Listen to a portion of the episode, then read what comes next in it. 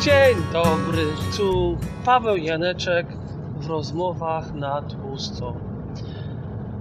Dzisiejsza rozmowa będzie o zmęczeniu.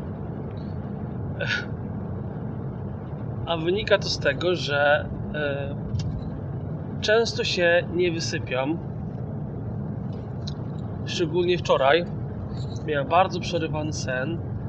Czy ktoś tak ma? Ma problemy ze snem? Budzi się w środku nocy? W każdym bądź razie em, nie spałem dobrze. E, często też tak mam, że e, mam napady paniki. Powiedzmy, potrafię obudzić, przebudzić się o drugiej nad ranem e, i wyskoczyć z łóżka. No i wtedy jestem zdezorientowany. Nie wiem, co się dzieje dokładnie, bo jakby mózg był w fazie głębokiego, głębokiego snu, a ja tu staję z marszu. E, no jestem przerażony, bo oczywiście nie wiem, co się dzieje. E, jeszcze jakby mózg się nie uaktywnił, więc zazwyczaj podchodzę do okna i otwieram zasłony i po jakichś powiedzmy paru sekundach czy do minuty powraca mi świadomość. E, Jest to jednak przeżycie bardzo niemiłe. E, Oczywiście potem nachodzą mnie bardzo e, jakieś takie dręczące myśli.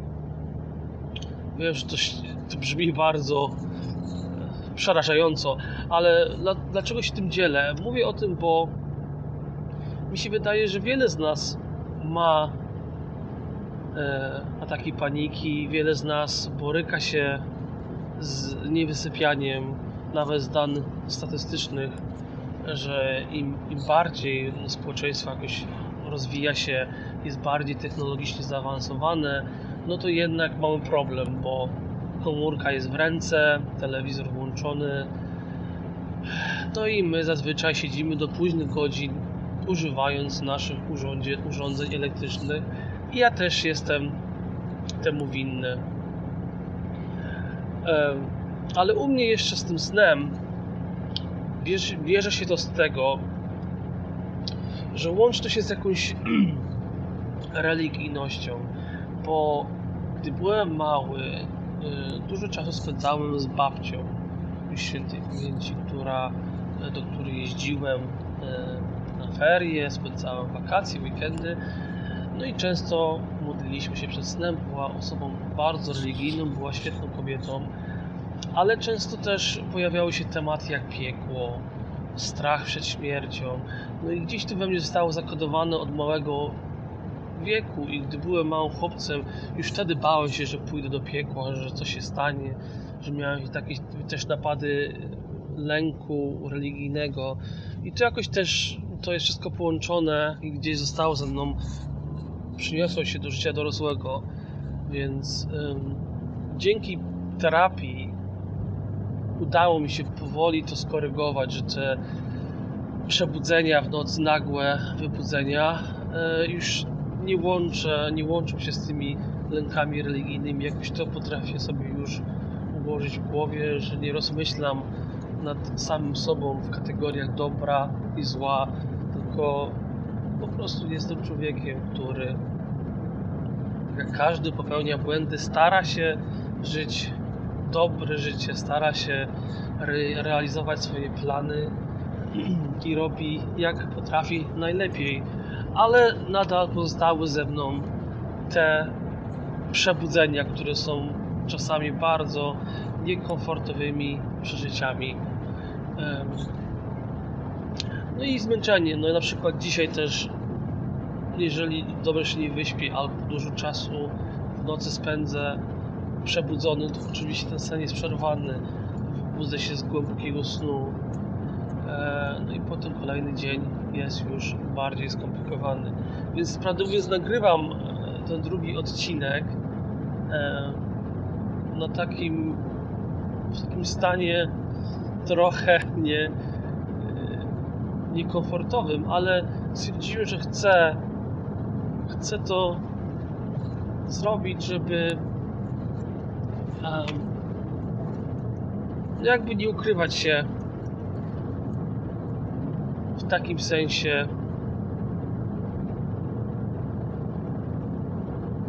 że czy zmęczony, czy nie, to chciałbym te odcinki nagrywać tygodniowo e, i tak autentycznie mówić o tym, co się dzieje w moim życiu. No dzisiaj na pewno dzień pracy będzie trudniejszy, e, ale wracając do tematu przemęczenia, e, jak wy sobie radzicie z brakiem snu, z przemęczeniem, może z rozdrażnieniem? U mnie na przykład zazwyczaj to wiąże się w kolejnym etapie z rozdrażnieniem. Jeżeli się nie wyśpię, jeżeli jestem zniechęcony, mam długą e, podróż do pracy, no to jednak potrafię być rozdrażniony e, i staram się jakby nie przekazywać tego innym, staram się komunikować teraz częściej niż ukrywać, że wszystko jest w porządku, tylko mówić, że miałem złą noc, że jestem niewyspany, że jestem zmęczony i staram się nie skakać ludziom do gardeł, ale oczywiście nie zawsze mi to wychodzi, bo w sytuacjach zmęczenia mózg jest bardziej e, wrażliwy na te sytuacje, które może jak jesteśmy e, zrelaksowani, nie odpowiadamy, nie zareagujemy. I rozmawiałem o tym nawet wczoraj z koleżanką z pracy, która też, e, gdy ma ciężką noc, gdy coś w życiu osobistym jej się sypie, no to te relacje w pracy, szczególnie z tymi kolegami, koleżankami, które i tak na nas wpływają jakoś drażniąco, są utrudnione, ale też nie chcę jakby przenosić swojego życia prywatnego czy swojego zmęczenia na innych. Jednak to nie zawsze jest łatwo. I nawiązała się taka rozmowa wczoraj pomiędzy nami na przerwie na kawę, że właśnie co w takiej sytuacji zrobić?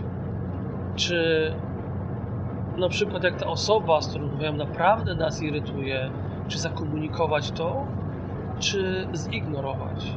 I prawdę mówiąc, sam nie wiem. Bo z jednej strony jeżeli zakomunikuję komuś, że mnie irytuje i ja w jakiś sposób wygarnę tej osobie, no to będzie to bardzo niemiłe przeżycie dla niej. Szczególnie jeżeli wszystko wydawało się do, do tej pory w porządku. A znowu jak przemilczę, to może mnie to bardziej rozstrać i mogę kiedyś wybuchnąć. Tylko właśnie tutaj jeszcze jakoś tak mam na uwadze to, że jednak te emocje, które ja przeżywam, przez co ja przechodzę, są moje też tego się uczę y, poprzez terapię, poprzez samorozwój. No i tymi emocjami chcę się zaopiekować. Chcę jakby zająć się na tyle, ile potrafię. Więc też y, może wytknięcie komuś, co jest w nim nie tak, moim zdaniem, bo oczywiście to są tylko myśli własne, no to może się bardzo źle odwrócić, bo możemy usłyszeć coś nieprzyjemnego też a tak jakby patrząc z góry na to wszystko, z lotu ptaka, no to przecież to nie chodzi o to, co ta osoba mówi, czy robi, czy jakie ma nawyki, które nas mogą irytować. Jedną sprawą, która jest bardzo ważna i której jeszcze się do końca nie nauczyłem, to jest e, wyznaczanie granic. E, rozmawiamy o tym często z moją terapeutką, e, która jakby zachęca mnie do asertywności, do uczenia się wyznaczania granic sobie i innym, żeby nie narażać się na tyle zrażenia. I może właśnie w tych sytuacjach, gdy dzień y, zapowiada się ciężki poprzez problemy osobiste czy trudności ze snem, no to wtedy może warto te granice wyznaczyć w jaki sposób. No tego dokładnie nie wiem jeszcze, bo ja zawsze boję się tego, że kogoś obrażę, nawet jeżeli powiem coś, co może komuś się nie spodobać. Staram się zazwyczaj osobom przemilać. Jestem jakby takim kamelonem, albo nauczyłem się przez życie e, gdy często czułem się odrzucony poprzez, po, poprzez to, że jestem gejem, że dorastałem w ukryciu e, w rodzinie religijnej, że muszę się przemilać. To, to stało się moją taktyką, jakby moim sposobem na radzenie sobie ze wszystkim. Czyli jeżeli uda mi się kogoś e, przekonać na własną stronę, czy nie, nie obrazić, nie wnerwić, rozśmieszyć, no to jest, jest super, bo wtedy czuję się akceptowany. Ale to też uczę się teraz powoli z wiekiem i przez terapię, że takie nadwyraz, staranie się o kogoś akceptację to często obraca się przeciwko nam, bo nie, nie możemy w 100% kogoś wy- wymusić na jakimś akceptacji. Możemy nawet stawić na głowę, a zawsze będą osoby, z którymi po prostu nie zgramy się, bo wszyscy jesteśmy tak różni. Więc to rozwiązanie często prowadzi do dużego rozczarowania wewnętrznego. Więc może ta autentyczność właśnie e, wymaga tego trudnego zadania wyznaczania granic. E, Tak sobie teraz myślę e, na głos, bo te moje rozmowy i ten podcast to jest właśnie takie myśli z mojej głowy na głos, co się dzieje w głowie Pawła i mam nadzieję, że innych ludzi, którzy będą życzliwi na tyle, żeby wysłuchać tych odcinków, że, że też mają takie myśli może, które nikomu nie pokazują i że też odnajdują się w tym, co mówię. To by było bardzo fajne, że wszyscy mamy podobne problemy albo czasami ukrywamy coś, co przez, przez co przechodzimy razem. Możemy się w tym odnaleźć. W każdym razie tak myślę na głos o tym właśnie wyznaczaniu granic, że może po prostu to wystarczy powiedzieć, że stop. Jestem zmęczony. Przepraszam. Pogadamy jutro, albo chcę tylko się skupić na tym, co muszę zrobić. Iść do domu się wyspać. I nawet być dla siebie tym przyjacielem, bo też to jest jakby podstawa zdrowego stosunku do, do, do siebie, do, do, do innych. Być swoim przyjacielem, powiedzieć, hej, no się dzisiaj źle, stary. Po prostu musisz przejść przez ten dzień. Y, Zrób swoją pracę, odpoczywaj na przerwach e, i wróć do domu i pozwól sobie, pozwól sobie na gorący prysznic, na, na po prostu odpoczynek, nawet na zostawienie tej komórki, jeżeli jest, masz taką silną wolę, że zostawienie tej komórki, nieważne co tam się dzieje na świecie, czy urodziny, to nic się nie zmieni w ten dzień, to po prostu będzie dalej się toczyło, a ty sobie po prostu odpocznij. Weź książkę nawet, zaśnij wcześniej, idź do łóżka, nawet o tej 21, zaszalej. No właśnie to jest tak z tymi emocjami też, że to wszystko jest jedno chwilowe. Kiedyś chyba usłyszałem od psychologa, czy gdzieś wysłuchałem na internecie, że ta emocja, jaka pojawia się w naszym ciele, czyli ten odruch bezwarunkowy, trwa może 5 do 10 sekund.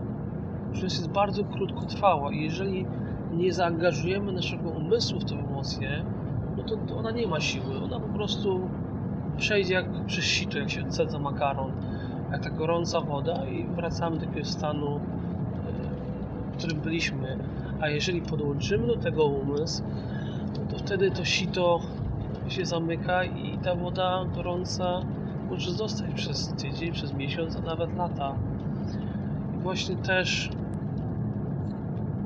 te dni przemęczenia, kiedy się nie wyśpię, kiedy mam trudy, nawet z zestawieniem się do pracy, to są może dni, w których mogę najwięcej się nauczyć o sobie e, i może wy- wyciągnąć z tego jakieś lekcje, a nawet w tych relacjach, które są podwójnie trudne, może właśnie tu jest ukryta jakaś wskazówka i może dzisiaj pozwolę sobie bardziej poobserwować niż oceniać od razu co tak naprawdę się dzieje.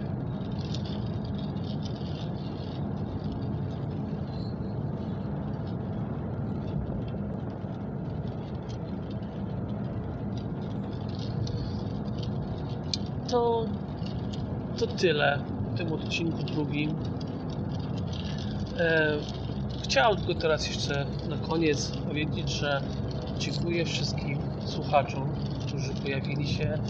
E, też może z góry przeprosić za, e, za jakość tego dźwięku, no bo jednak postanowiłem, że będę nagrywał te odcinki w drodze do pracy, kiedy jestem jakby nie mam nic do robienia, myśli płyną i jakby te wszystkie myśli kreatywne mogę siebie wyrzucić.